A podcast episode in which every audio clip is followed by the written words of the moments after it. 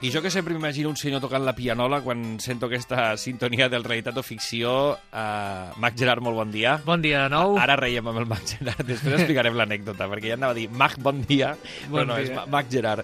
Uh, Mac, Gerard, que estem de- d'enhorabona, no?, en certa manera, presentem llibre. Llibre nou, màgia Llibre nou. amb aliments. Molt bé. Ara després en parlem. Si et sembla, anem per ordre i obrim l'espai amb la història de la màgia.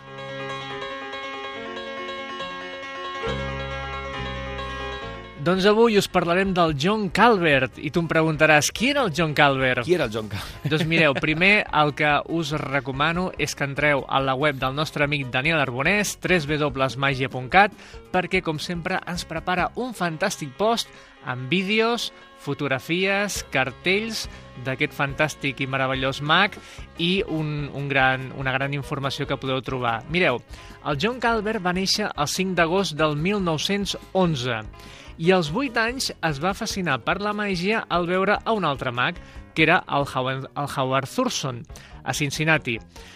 Havíem parlat del Thurston, eh, estem ara mateix, eh, viatgem en el temps al segle XX, les grans produccions de màgia, és a dir, que els espectacles de màgia a vegades necessitaven camions per poder, eh, trens, fins i tot diferents vagons que portaven tot l'equipatge, tots els estris màgics dels mags. Estem parlant de grans produccions d'aquella època.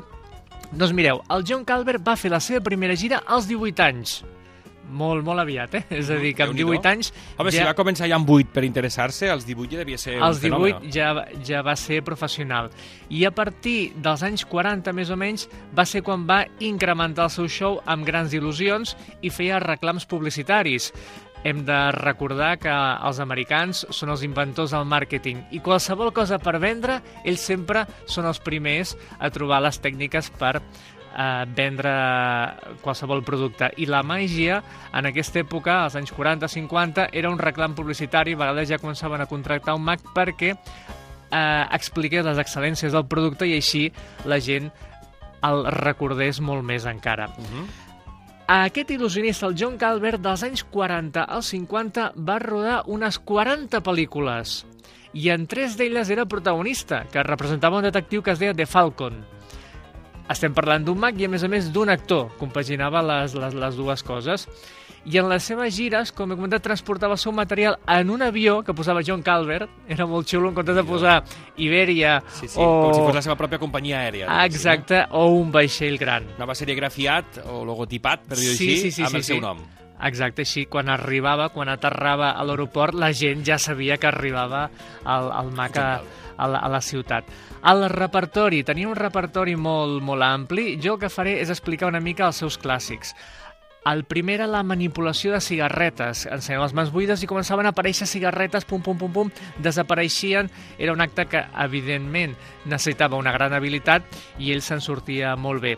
El mocador ballarí, un altre clàssic de la màgia, que és un mocador que dones, que dones a examinar a, a la gent, i el mocador crea vida, cobra vida, i en sé que es comença a moure el posava damunt d'una taula, començava a moure, fins i tot desafiava el mag al mocador, i el mag, per insistir de que era un mocador que realment era màgic, passava una anella per dintre el mocador, per tot el mocador, perquè es veiés que no hi havia cap mena de fil, cap mena de, de, de, de cosa, i amb aquest número, curiosament, li deia Casper, igual que el fantasma, perquè era un mocador blanc que li feia un nus amb un costat, com si fos una, una mena de, de, de, de fantasma, i amb aquesta il·lusió li deia Casper.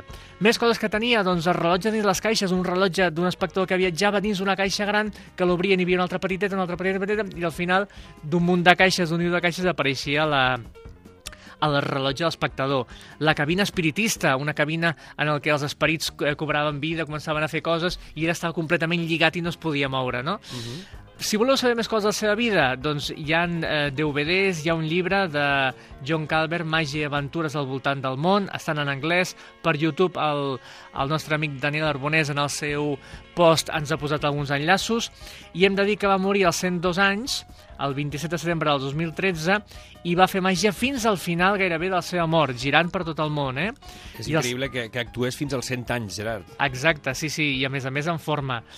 El seu biògraf l'anomenava un Indiana Jones real, perquè havia viscut molt, li havien passat moltíssimes coses i encara estava en, actiu i gaudia molt de la màgia. De la màgia del John Calvert passem a la màgia del Mac Gerard perquè ens presenta un llibre, en aquest cas molt relacionat amb els aliments.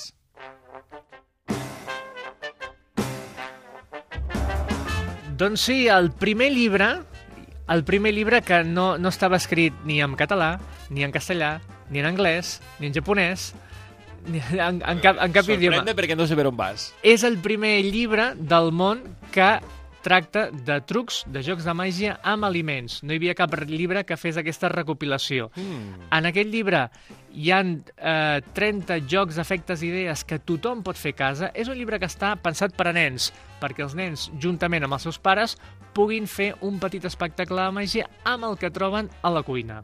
Això ja ho fem molts, eh, de, això de fer desaparèixer els aliments, tan bon punt.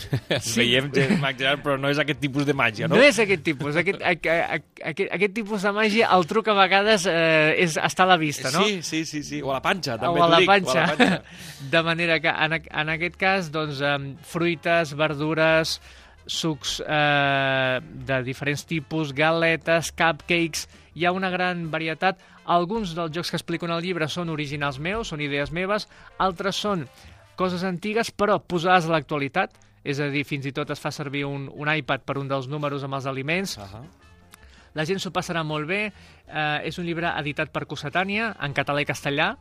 Eh, no teniu excusa, qualsevol persona que ens estigui escoltant, per poder-lo adquirir. I és el llibre més màgic de Sant Jordi, sens dubte. És a dir, que si esteu pensant què podríem regalar un llibre de màgia, ara que no només regalem màgia a la, a la parella, sinó també als, Clar als, sí. als nens, doncs és una manera que, a part de la rosa, regalar un llibre perquè ens puguin sorprendre a tota Escolta, la família i els amics. I a banda que estem fomentant, evidentment, el fet de llegir, estem fomentant també la, el fet d'interessar-nos per la màgia i el fet d'interessar-nos per la cuina, pels aliments, perquè al millor el, alguns dels aliments d'aquests doncs, que als nens no els agraden també els hi cauen més simpàtics a partir d'aquí. Exacte, i a més a més, alguns de, de, dels, dels, dels aliments, fruites i verdures s'expliquen algunes de les qualitats que Molt bé.